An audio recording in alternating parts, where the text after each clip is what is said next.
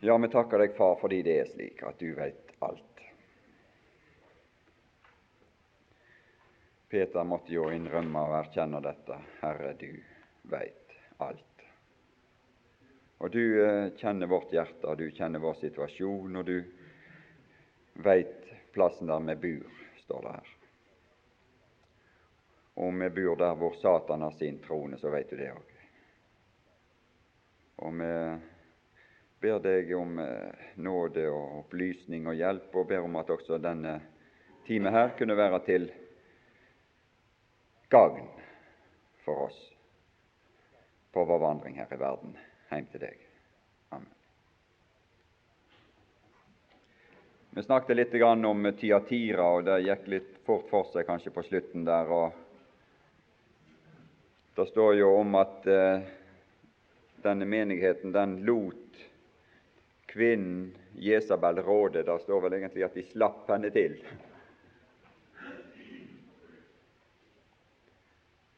Og eh, Det indikerer jo, det uttrykket der, det indikerer jo at eh, det er tilstander som svarer til Israel under Akab og Jorams regjeringstid, der det var liksom Jesabel som rådde i kulissene.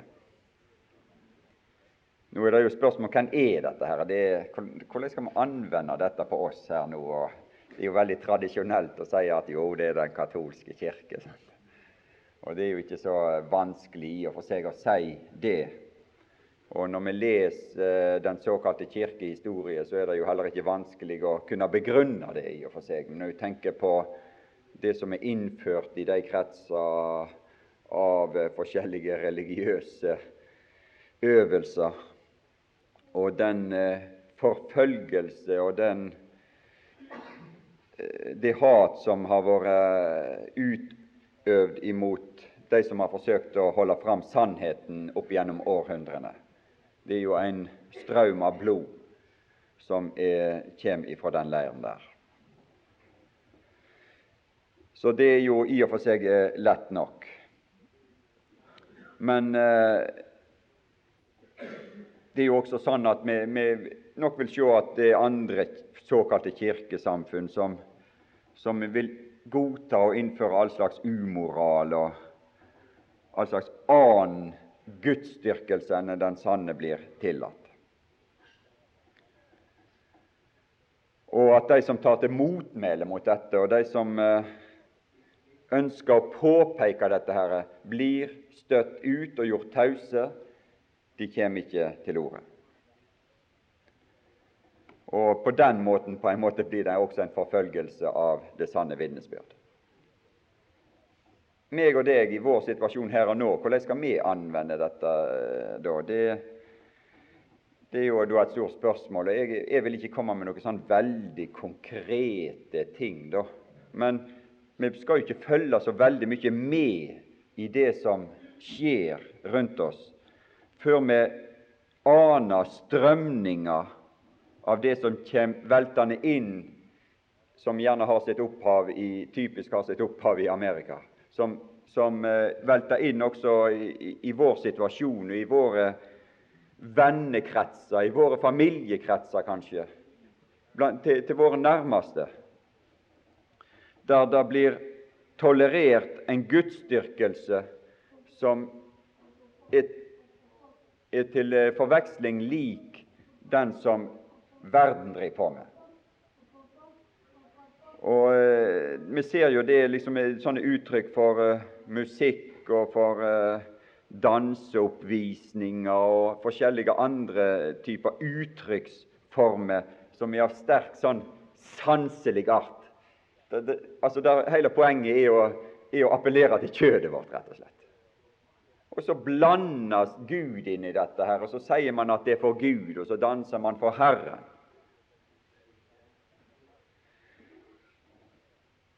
Man kler seg og ter seg på en måte som appellerer utelukkende til kjødelige ting, men man gir det et, eh, et, eh, navn av at dette er for Herren. Og så virker det jo på folk, sier Og det er jo slik de får tak i folk, og det er jo slik de får tak i, i, i en mengde folk. Dette som vi driver på med, har jo ingen appell lenger. Det tas inn i menigheter, og det blir invitert inn. Det er ikke det, er ikke det at det sniker seg inn en gang lenger, men det blir invitert inn i menigheter. Og det vil lett gå med dette hvis vi tenker på at hvis vi skal være her i verden en stund til, det vet vi lite om, men hvis, det, hvis, vi skal være der, så vil det gå antagelig med dette som det går her, at kvinnen Jesabel vil råde. Hun vil ta selve styringen. Og Det lederskap som er nå, blir satt til side, og så er det en av verden som overtar hele styret og skyver ut det hele. Og Hun fortsatte jo å regjere selv om Akab døde. Det står om, eh, om, eh, om vi, står det i Jakobs brev i kapittel 5.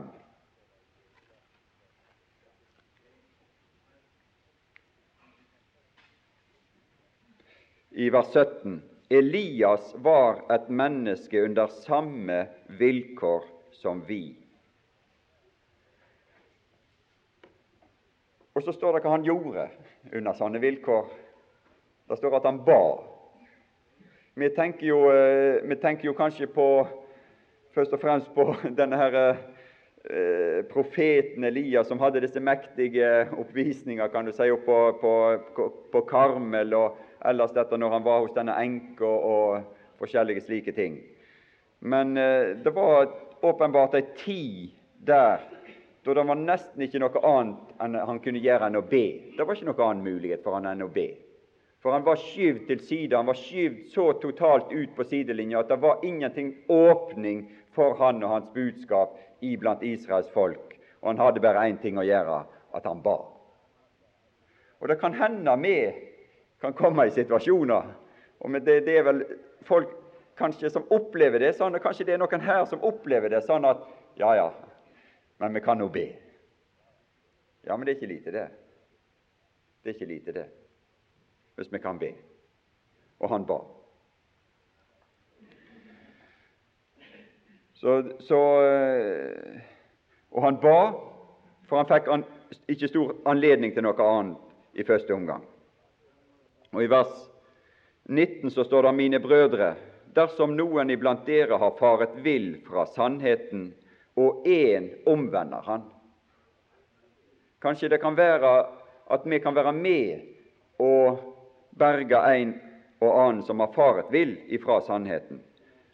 Står det i vers 20.: Han skal vite at den som omvender en synder fra hans villfarende vei, han frelser en sjel fra døden og skjuler en mangfoldighet av synder.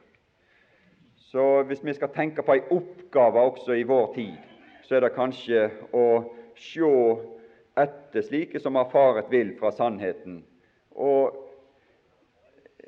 prøve å omvende dem.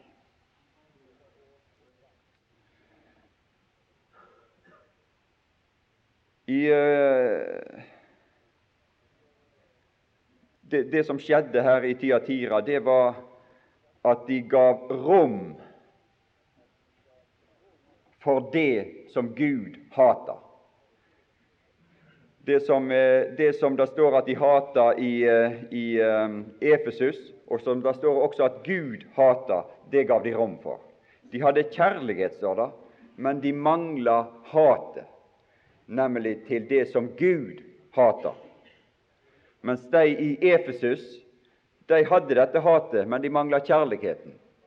De hadde glemt det som Paulus hadde skrevet til i Efeserbrevet 4, om å være sannheten tro i kjærlighet. Og det er uhyre vanskelig, det. Det krever enorme ressurser og, kapasiteter av oss, det. Å være sannheten tro i kjærlighet. Når det, det, verset som står før det verset i Efeserbrevet 4, der, det taler jo om når det velter inn i menigheten lærdomsvær av alle slag, og strømmer og strømdrag av alle slag, som vil ta de troens folk og kaste de hit og dit, så står det tale om å være sannheten tro i kjærlighet. Og det hadde gått tapt i Efesus, det siste der, i kjærlighet.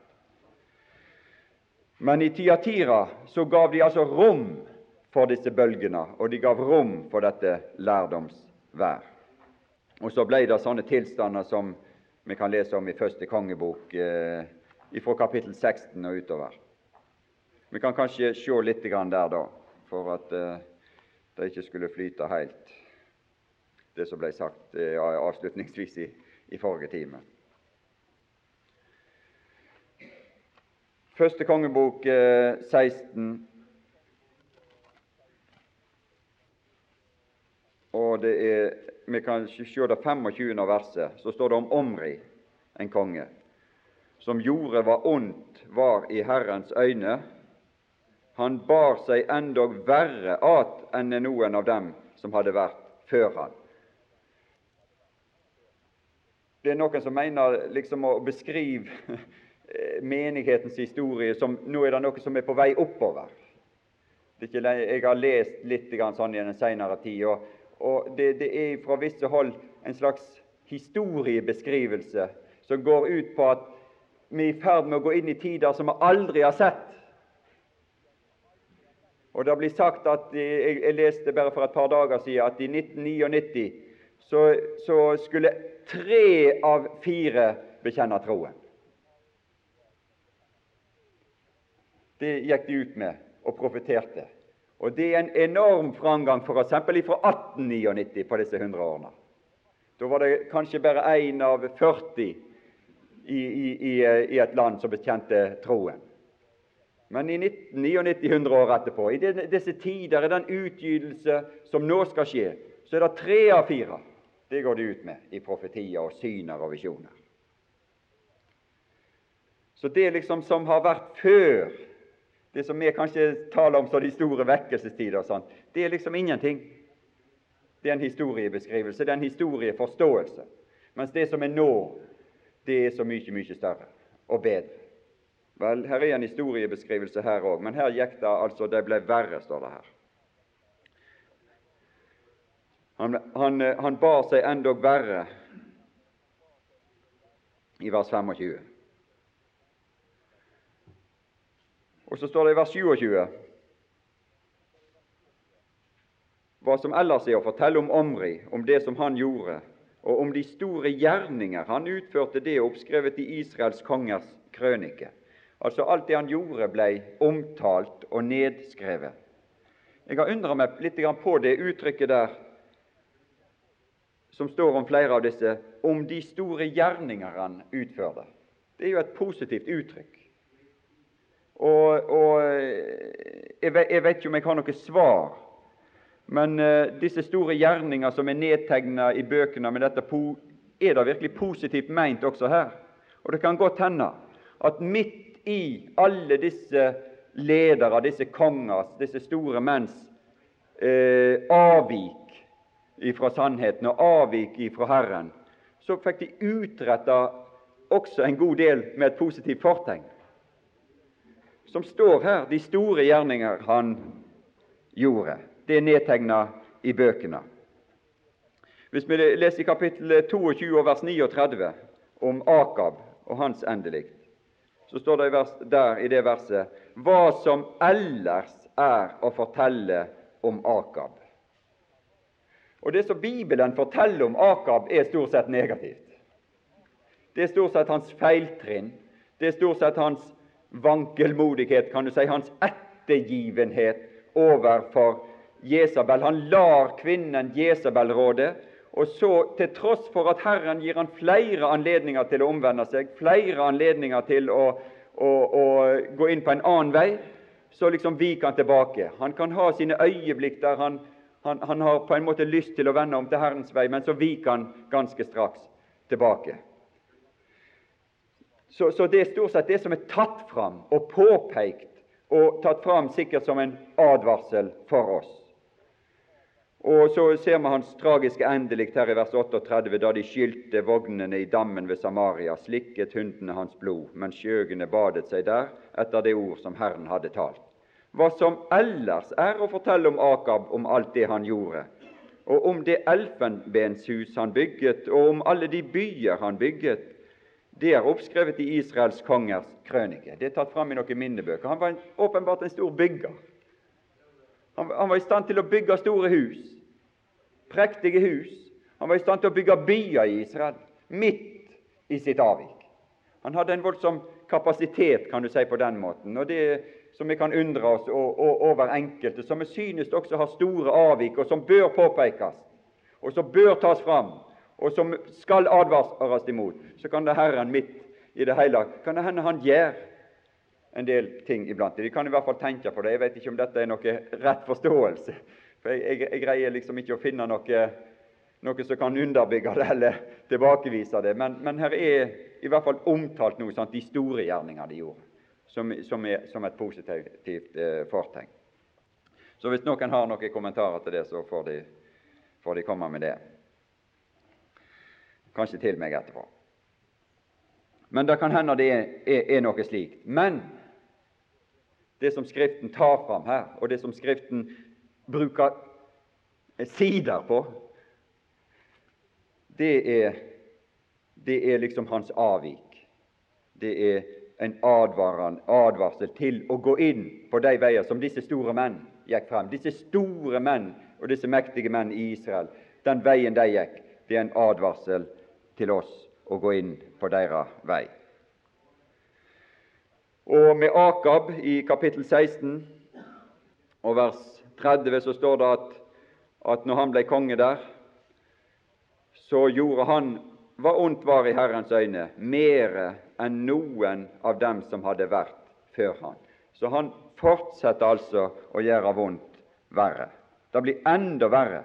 Og i vers 31 og 32 og 33 så innfører han vel det er vel for første gangen at det blir liksom innført en offisiell, en synlig, på plattformen, om du vil, avgudsdyrkelse i Israel. Det hadde vært dette her er før iblant folket og blant kongene. Men nå oppføres det liksom på scenen, på plattformen. Nå tas det offisielt fram.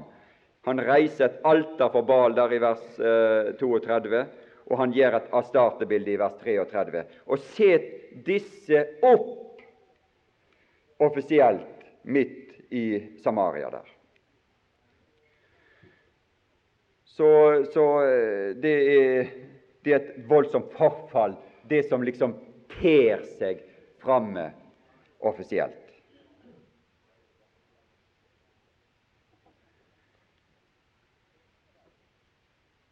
Og likevel så lot Gud denne mannen være konge i 22 år, står det i vers 29.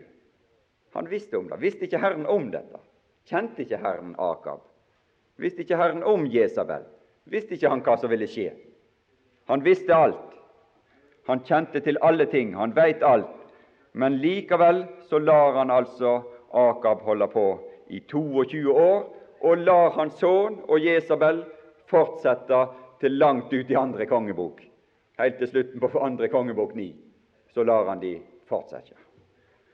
Før eh, Jesabel får sitt forferdelige endelikt og blir oppeten av hunder. Det hjalp ikke mye med sminken hennes da. Hun hadde sminka seg for å ta seg godt ut før hun ble styrta ut der. Men hundene akta ikke på det, at det var ei dronning der som lå der når de gikk løs på henne. De visste ikke noe om at det var ei dronning. Så det er hennes forferdelige endelikt. De forsøker til siste nikk, akkurat som hun i andre kongebok 9 og liksom Hun står, hun, hun, hun tok sin sminke på sine øyne og i sitt ansikt for liksom å te, te, te, te seg vakkert ut. Til å te seg vakkert like til siste nikk, like til den siste sjanse. Og så får hun sitt tragiske endelikt der. Men Herren lot altså dette, herre, dette skje, og han lot han råde. Og han greip ikke inn i denne situasjonen på annen måte enn ved sitt ord gjennom Elias, og ved sitt vitnesbyrd gjennom Elias og gjennom en del andre i denne tid.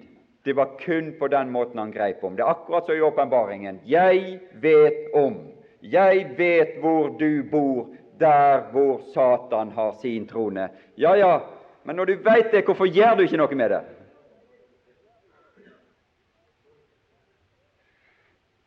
Men han gjør noe med det. Han gjør noe med det. Han tilfører gullet, han tilfører et ord, en olje, noe verdifullt ifra himmelen tilføres. Den som har øre, han hører hva Ånden sier til menighetene. Det er på den måten han gjør noe med vår situasjon. I kapittel 17 og 1 så står det om, eh, om eh, Elias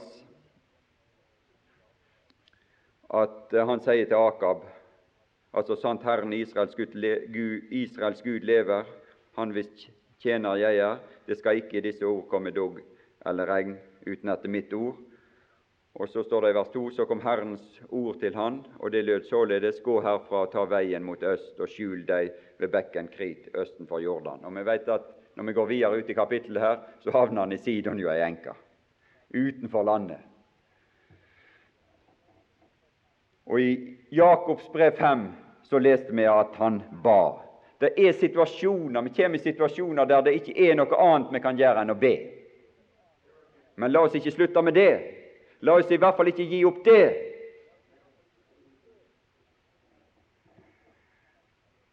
Så kan det hende Herren kan åpne igjen.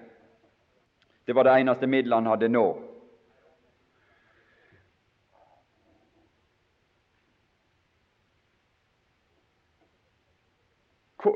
Det var, det var, store behov i Israel.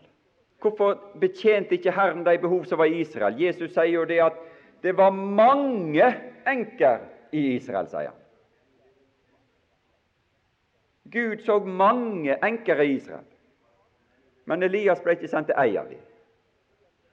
Det var store behov i Israel.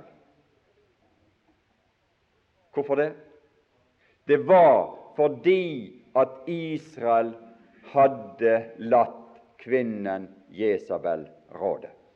Det var på grunn av det de hadde latt inn i menigheten og tatt styring i menigheten.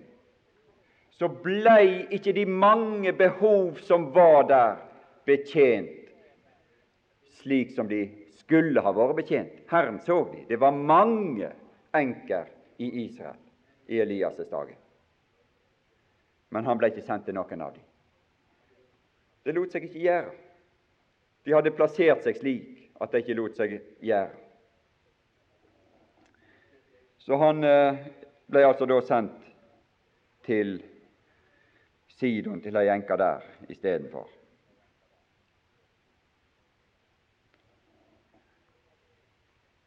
Og så er det da mange kapittel helt til andre kongebok 9. Fra første kongebok 16 til andre kongebok 9 så det er en mengde kapittel.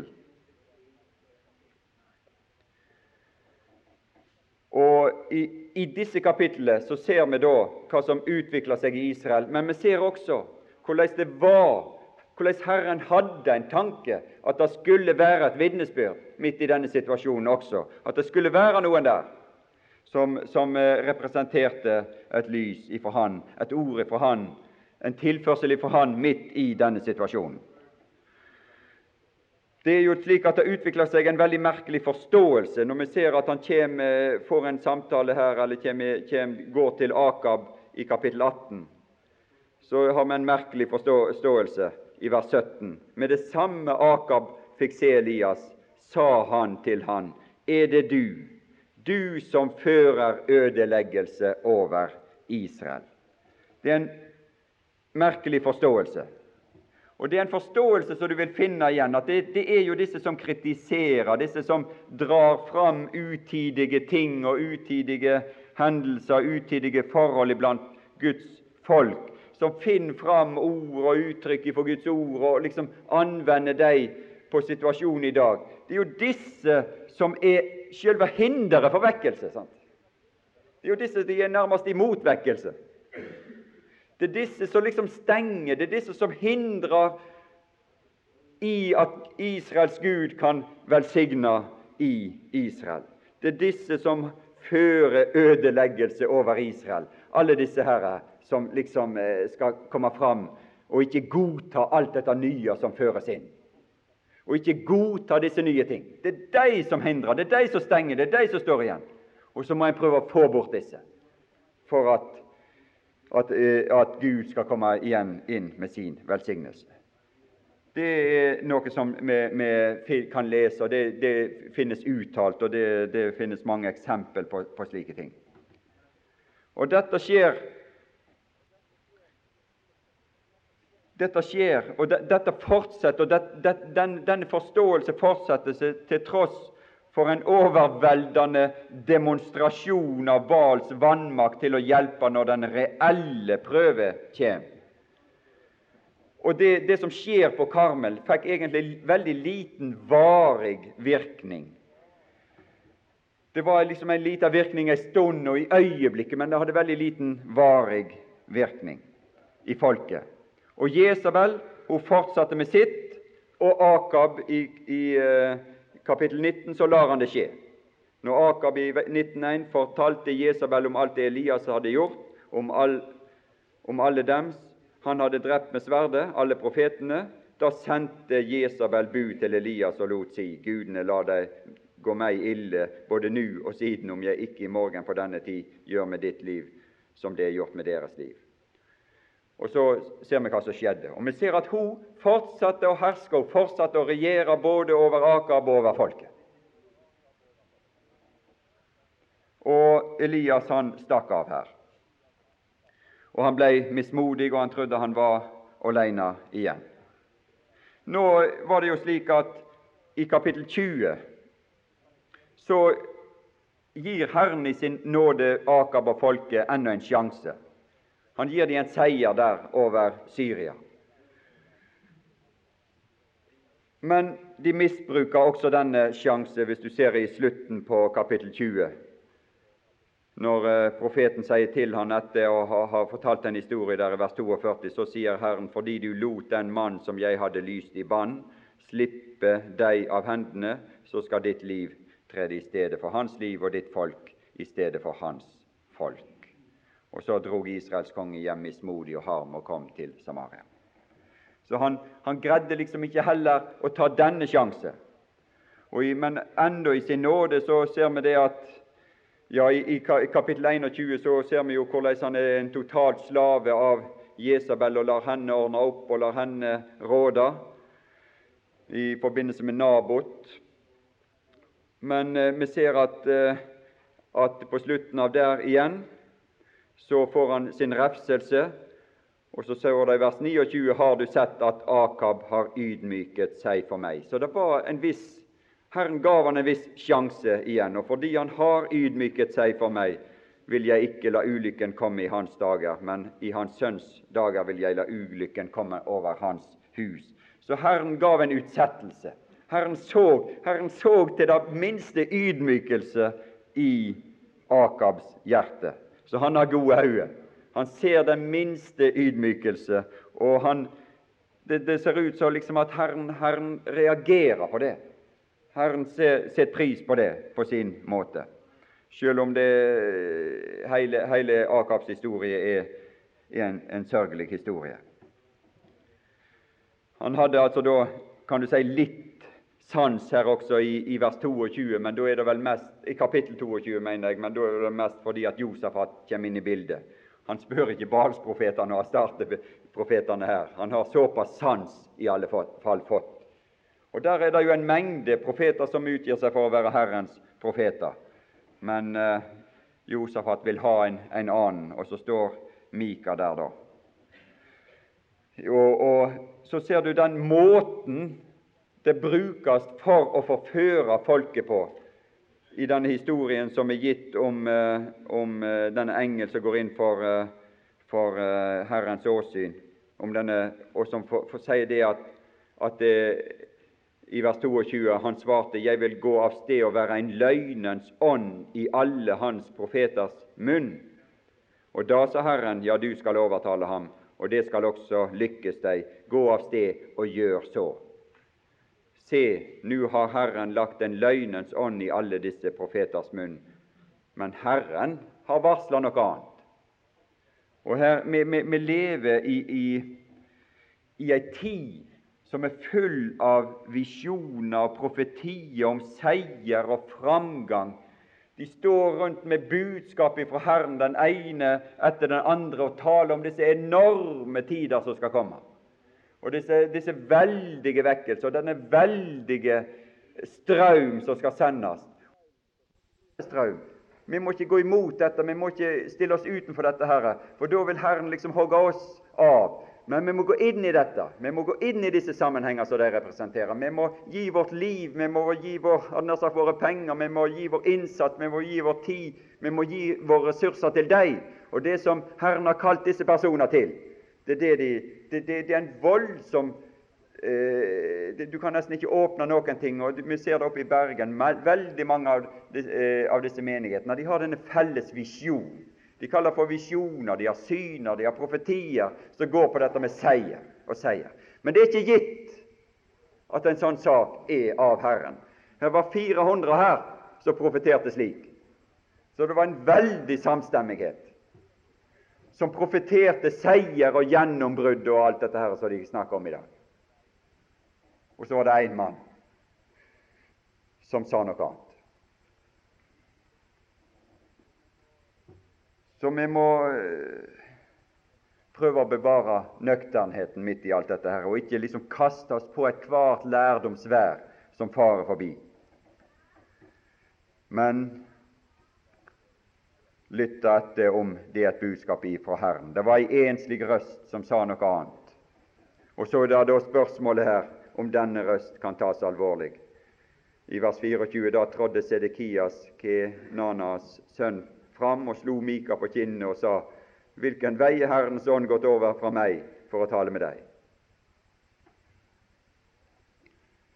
Ja, Mika måtte bare henvise til det som skulle skje framover. Sa at det får, det får vise seg. Det får vise seg.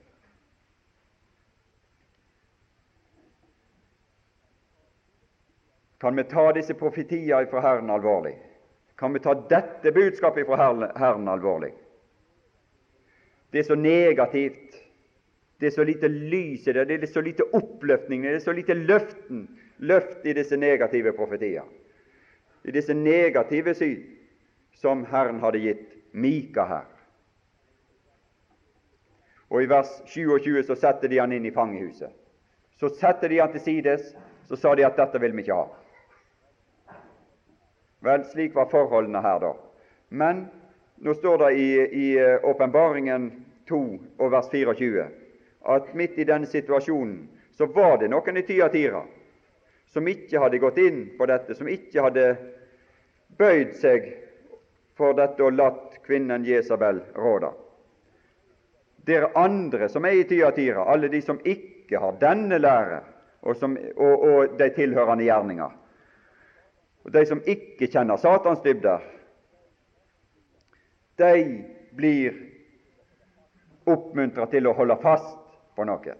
Midt i denne situasjonen så var det noe å holde fast på, som Herren hadde gitt dem, og som skulle vise seg å holde i lengden. Og Hvis vi tenker midt i denne situasjonen som e- Elias var i, så var det altså da 7000 der som Herren så, men som Elias ikke så. Og det var en Obadja der med, som hadde skjult hundre av Herrens profeter. Og det var en Mika der. Det var noen andre der i Tiatira. Og de skulle holde fast på dette her.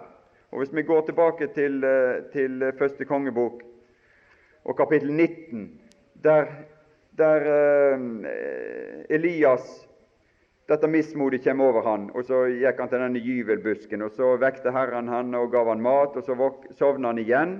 Og så i vers 7 så står det Herrens engel kom igjen annen gang og rørte ved han og sa, stå opp og et, ellers blir veien deg for lang. Og da sto han opp og åt og drakk, og styrket ved denne mat. Det var en enorm styrke som kom inn i denne Elias. En ufattelig styrke ved denne mat. Han gikk i 40 dager og 40 netter. Vi syns det er en prestasjon å, å, gå opp på denne toppen her, eh, her, bak oss. Nei, hvor er den? Her? Ja, borte der en plass. Vi syns det er en stor prestasjon, det. Og en kraftanstrengelse å gå opp på den, den toppen der.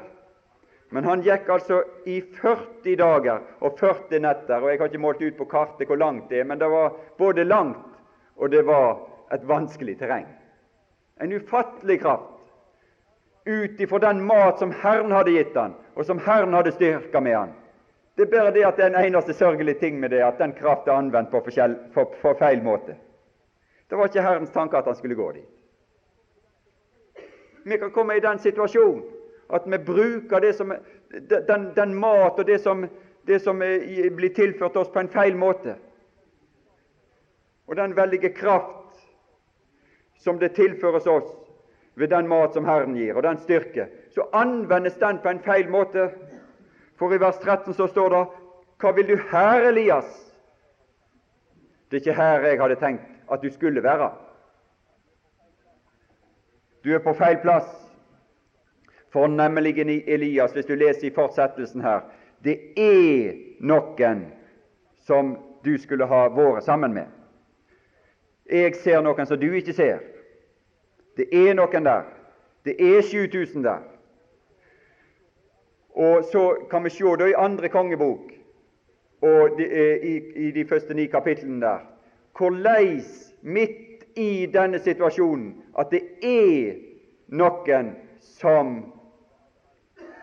lever av Herrens vitnesbyrd og i Herrens vitnesbyrd. Det blir en Elisa der, og det er en skule, skule hadde han sagt rundt han.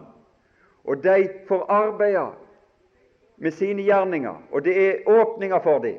Og det er, er, det er jenter som drar opp til, ei lita jente som drar opp til Syria, til Nama. Og det er, en, det er, en, det er, det er grupperinger der.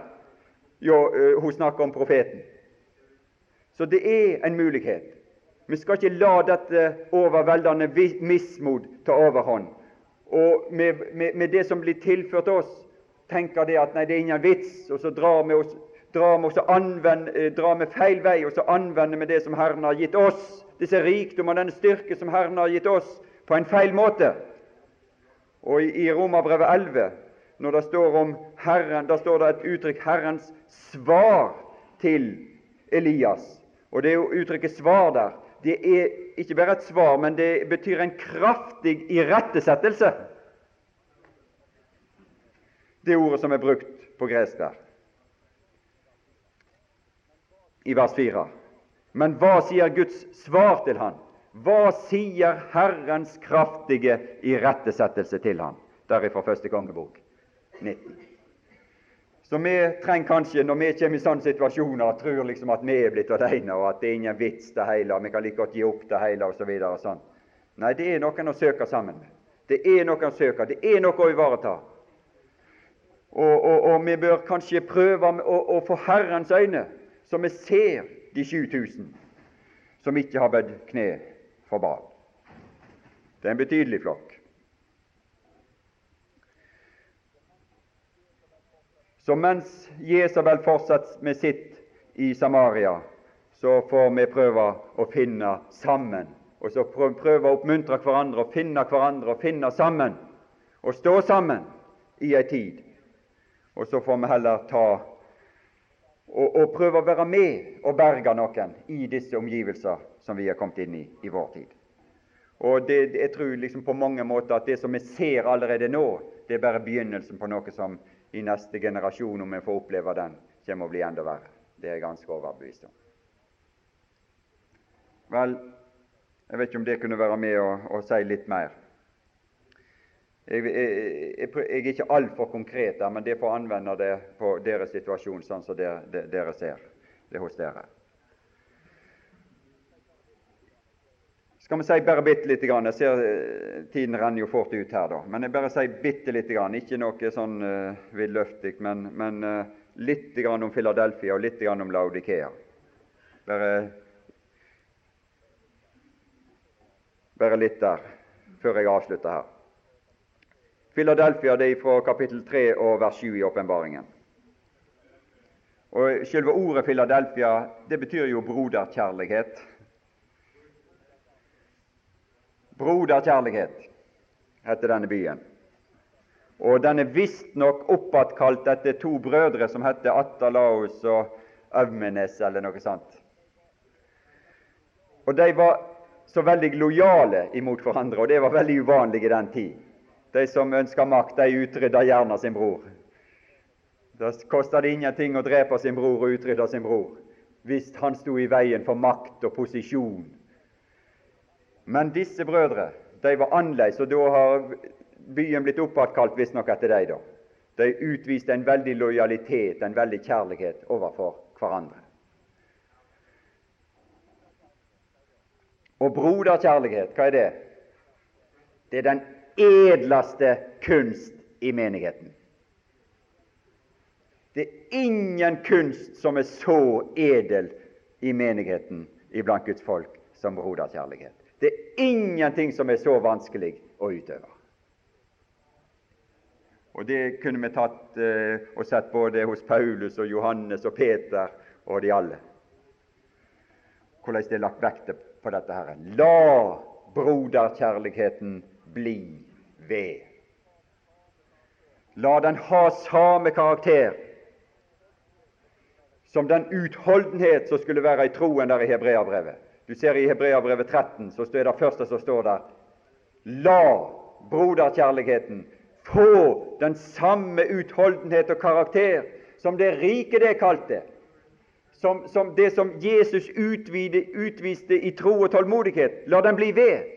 La det ikke bare bli et øyeblikks blaff, men la broderkjærligheten bli ved. Ja, Vi får hoppe over til Romerbrevet 12 og 1. Tessalonika-brev 4 og 1. Peter og 2. Peters brev om broderkjærligheten. Og så er det jo dette et skrift av Johannes, og det er jo ingen som han som taler om broderkjærligheten. Hele 1. Johannes brev det er jo om broderkjærligheten det, snakkes om. Og alle kjenner Johannes 3,16. Alle kan sitere Johannes 3,16. Og vi er gjerne ikke så flinke å sitere 1. Johannes 3,16. På dette kjenner vi kjærligheten, at Han satte sitt liv til for oss. Det er, først, det er Johannes 3,16. Men så står det her også vi er skyldige til å sette livet til for brødrene. Det er 1. Johannes 3,16. Så det er ingen som taler slik om disse ting som han. Men det gis liksom en nøkkel her. Det står her dette sier den hellige, den sandrøde, han som har Davids nøkkel, han som lukker opp og ingen lukker til, og lukker til og ingen lukker opp. Jeg vet, Det han sier da, er at jeg vet om dine gjerninger. Se, jeg har satt foran deg en åpnet dør, og ingen kan lukke den til, står det her. Hvorfor har han sett Hva slags dør er dette, for det første? Og hvorfor har han sett den åpen? Det som det hentydes her, Davids nøkkel, det er en person i Det gamle testamentet som heter Eljakim. Og Han står omtalt i, i, i Esaias kapittel 22. Han står for så vidt omtalt i andre kongebok 18 også, i forbindelse med Sekias. Men hvis du vil lese Jeg vet ikke om jeg kan ta tid til det nå, for det, tiden har rent ut. Men hvis du vil lese i Esaias 22, og f.eks. vers 22, så ser vi det at han ble gitt nøkkelen til alle skattkammer, kongens skattkammer. Han ble gitt nøkkelen til alle rikdommer som kongen hadde der. Og så skulle han ta seg av dette, forvalte dette, åpne og lukke. Og så ser vi det også at han tok seg av sin familie. Hele hans familie ble hengt på han. Og det er det det hentydes her til. Nå var det slik at måten Eljakim utførte dette her på, så ble den byrde for stor, for han tok på, eh, han, han, han, de, de, hengte alt på han. Og så til slutt så datt han ned av veggen, så det står det. Jeg brukte et bilde der om en knagg på veggen. Men poenget er at han hadde denne nøkkelen inn til rikdommene. Og den dør som er åpen for oss i vår tid, det er nøkkel inn i Herrens skattkammer. Det er satt, det åpna ei dør, og det er satt en vei åpen for alle oss inn i disse skattkammer. For vi trenger nemlig den rikdommen. Vi trenger nemlig å bli rik i Gud for å kunne utøve raushet i vår omgang. For å kunne utøse for å kunne ha noe å gi til andre. For å kunne bli frie mennesker. De, de sier det i verden. Når vi snakker av og til om det i kantina, sånn, så, så liksom folk er så veldig opptatt med penger. Ja, hvorfor det, spør jeg de. Så har de den ideen ja, men penger skaper en sånn frihet. Og på en måte er det jo sant. Men, eh, men, men når det står tale om rikdom, så det står det tale om kraftige advarsler i 1. Timoteus 6. Så må vi være forsiktige på den måten. Men det er noe sant i dette her. Du går på en annen måte inn i banken hvis du har én million på kontoen i en bank, eller om du er en gjeldsslave og du må inn der, og de må, skal behandle din gjeldstynga situasjon. Du går inn med en annen holdning. En rik mann har en annen holdning. Han har en annen måte å opptre på, og han kan omgås sine omgivelser med en raushet, med et overskudd, som den gjeldsbetinga ikke kan. Han, eh, Andreas som sitter i salen her, han bodde i Vaskerelven når han studerte i Bergen, en plass etter Vaskerelven. Og Han fortalte en historie som jeg syns var veldig god. Jeg vet ikke om jeg greier å gjengi den helt rett, men eh, hovedpoenget er i hvert fall rett. En morgen han satt og, og, og åt frokost der, og så hadde det snødd litt om natta. Og så eh, var det et, et, kryss, et veikryss like utenfor der som han bodde. Så hørte han bang ute der. Og Så reiste han seg opp for å se. Jau, det var to Jeg vet ikke om det var det, men la oss si det var to Mercedeser som hadde bunka sammen. Så så han, kikka på hva som skjedde. Jo da, der åpna dørene seg, og der kommer den ene velkledde mannen ut av den ene bilen. Og Dørene åpner seg på den andre bilen, og der kommer det en velkledd mann ut av den bilen. Så ser han de står der. Jeg vet ikke om de tok fram en sigar og og, og, og, tente sigaren mens de sto der og prata litt. Kikka litt ned på bilene sant, og hadde en, en liten prat. Satte seg inn igjen i bilene og, og rigga og, og, kjørte videre. Det var liksom ikke noe å snakke om mellom dem. En liten bunk på en bil var ikke noe å snakke om imellom dem. De hadde ressurser, de hadde rikdom, de forvalta eiendommer som gjorde at det var ikke noe å snakke om imellom dem. Det er noe med den rausheten, den omgangsform, som rikdom gir.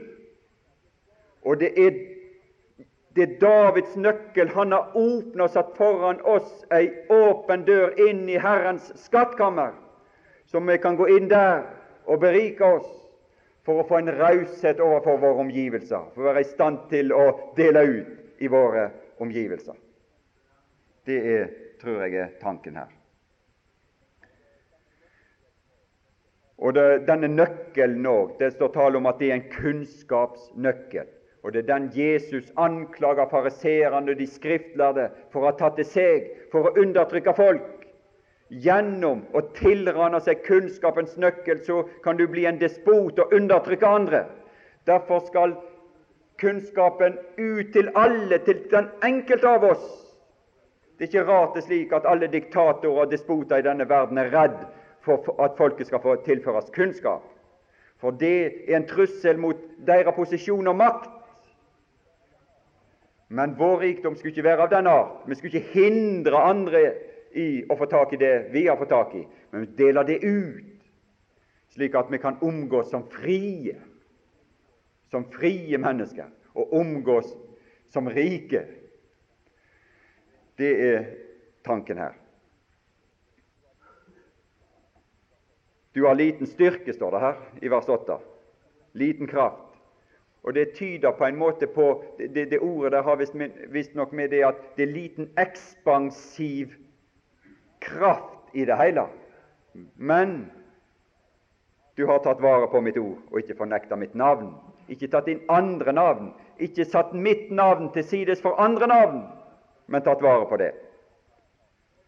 Og i vers 11 'Jeg kommer snart'. Hold fast på det du har. Dette er ikke noe som, ikke noe som du liksom fikk en gang for, for 30 år siden.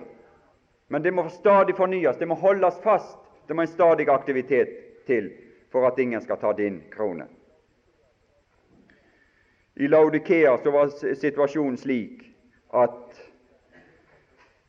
Herren visste deres situasjon i vers 15. Jeg vet om dine gjerninger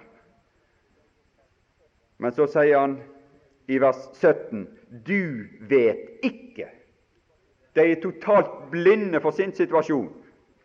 De veit ikke å vurdere sin egen situasjon. Men så sier han hva er botemiddelet mot det i vers 18? Jeg råder deg til at du kjøper av meg gull. Og kanskje det gullet har med det gullet i Sakarias 4 det, den, den glinsende olja, den rike olje, den verdifulle olja som renner ifra majesteten og inn i menigheten. Den som har øre, han hører hva Ånden sier til menigheten. Det er en ufattelig skatt og verdi og et gull å høre den olje, den ord som kommer ifra Han som sitter på tronen. Og det er den som kan åpne våre øyne, og det er den som kan gjøre oss oppmerksomme på ting, og gjøre at vi blir rike, og gjøre at vi blir sant rike og sant kledde. Og Så står det i vers 20 at han står for døren og banker. Og, og Han står, 'jeg står', står det. Han har tatt sin posisjon. Og Når han står der, så er det ikke liksom en passiv handling, men det, det, det uttrykket som er brukt her, det er en aktiv Han har tatt en aktiv stilling der. Han har tatt en aktiv stilling utafor døra der, og han banker på for å gi seg til kjenne, for å gå inn med en gang det er noen som lukker opp for han. Han er der snart, han er der umiddelbart. Denne døren her, det er vel kanskje den samme dør som i, i Høgsangen 2, 5, mener jeg, og vers 2. Men det er den døren som det også står eh, tale om flere plasser i evangeliene. Det er Hans kommes dør. Det er hans Døren, det er bevisstheten om Hans snarlige komme. Han er her straks. Det uttrykket 'dør', 'jeg står for døren', det bruker han eh, flere ganger i evangeliet i forbindelse med sitt komme. Og det han vil, det er at, det er at vi skal på en måte åpne for Hans snarlige komme i vårt sinn. Og når vi gjør det, så er han der strakt, straks med sin utstrakte hånd til fellesskap med oss. Og han står der til siste stund for å se om det er noen som vil høre hans røst. Han gir seg til kjenne ved at han banker. I apostelgjerningene 12 og vers 13 og sånt, så har du noe som illustrerer det. Han gir seg til kjenne. Det var når Peter kom og banka på. Det er den samme, samme, samme her. Han står for døren og banker på og han gir seg til kjenne ved si røst. Om noen høres min røst Hun hørte røsten til Peter, men hun, hun, hun ble så forfjamsa hun der vesle jenta at hun, hun, glemte å lukke opp. Hun ble jo så glad. Men vi skulle også bli så glad. Men vi burde ikke bli fullt så forfjamsa for, for som denne jenta. Men vi skulle bli så glad at vi lukker opp for han. For da kommer han inn for å holde samfunn med oss. Kveldsmåltidet her, det er et gunstmåltid. Det å lukke mennesker og invitere mennesker inn til å holde kveldsmåltid, det var et uttrykk for gjestfrihet i bibelsk tid. Det var et uttrykk for tillit, det var et uttrykk for at du hadde gode følelser overfor vedkommende. Og Vi skulle ha den tilliten til Han, og så skal Han vise den samme tillit til oss. Han skal vise den samme meddelsomhet, den samme tillit skal han vise til oss. Den samme gode følelse skal han vise overfor oss. Han med meg og jeg med han. Og Det er det ser du Jesus viste i Johannes 1, når disse, disse, som fulgte etter han og spurte hvor han hadde sitt herberge. Og så viste Jesus sin, sin, sin, sin uh, gunst, sin gjestfrihet, sin tillit, sine gode følelser overfor disse ved at han lukka de inn i sitt hus, og så hadde han dem der til kvelds. Det er det dette nattverdsmåltidet er uttrykk for. Og Du har det jo samme for så vidt uttrykt i, i nattverden der, og kanskje spesielt i Lukas 22, når han har inderlig lengtet etter å holde dette mål med dem før han lei. Men her vil han holde et måltid i tillit, i gode følelser med oss i forbindelse med det at han kjem. Han står, han er like for døren. Hans komme er like om hjørnet. La oss slippe han inn i den forståelse, og at den forståelse av hans snarlige komme begynner å prege vårt liv. Herre, det vil vi be om hjelp til i denne vanskelige tid. At vi kan leve i dette forholdet, i dette nattværs, kveldsmåltidsforholdet til deg. Herre, vi ber for den enkelte som er her, for den plass de er, for det de står overfor. Og Vi ber for våre nærmeste, og vi ber for dem vi kommer i kontakt med. og Du ser alle disse krefter som velter seg inn i kristenheten i, i vårt land også, og eh, ber om at vi måtte kunne være til hjelp for noen, vi som har kommet i kontakt med slike rikdommer. Ber om nåde til å se denne åpne dør som du har vist oss og satt åpen for oss, at vi går inn der og henter ut disse skatter, så vi blir rike i deg, vi blir rike i Gud og blir rause mennesker som kan dele ut og, og, og bevege oss i frihet sammen med, med dine og leve i broderkjærlighet, utholdende broderkjærlighet.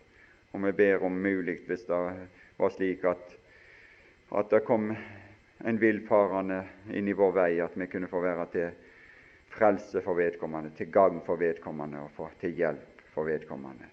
Herre, vi ber og vi roper til deg. og Vi takker deg for din storarta nåde og de rike løfter du har gitt til den som tror og den som holder ut.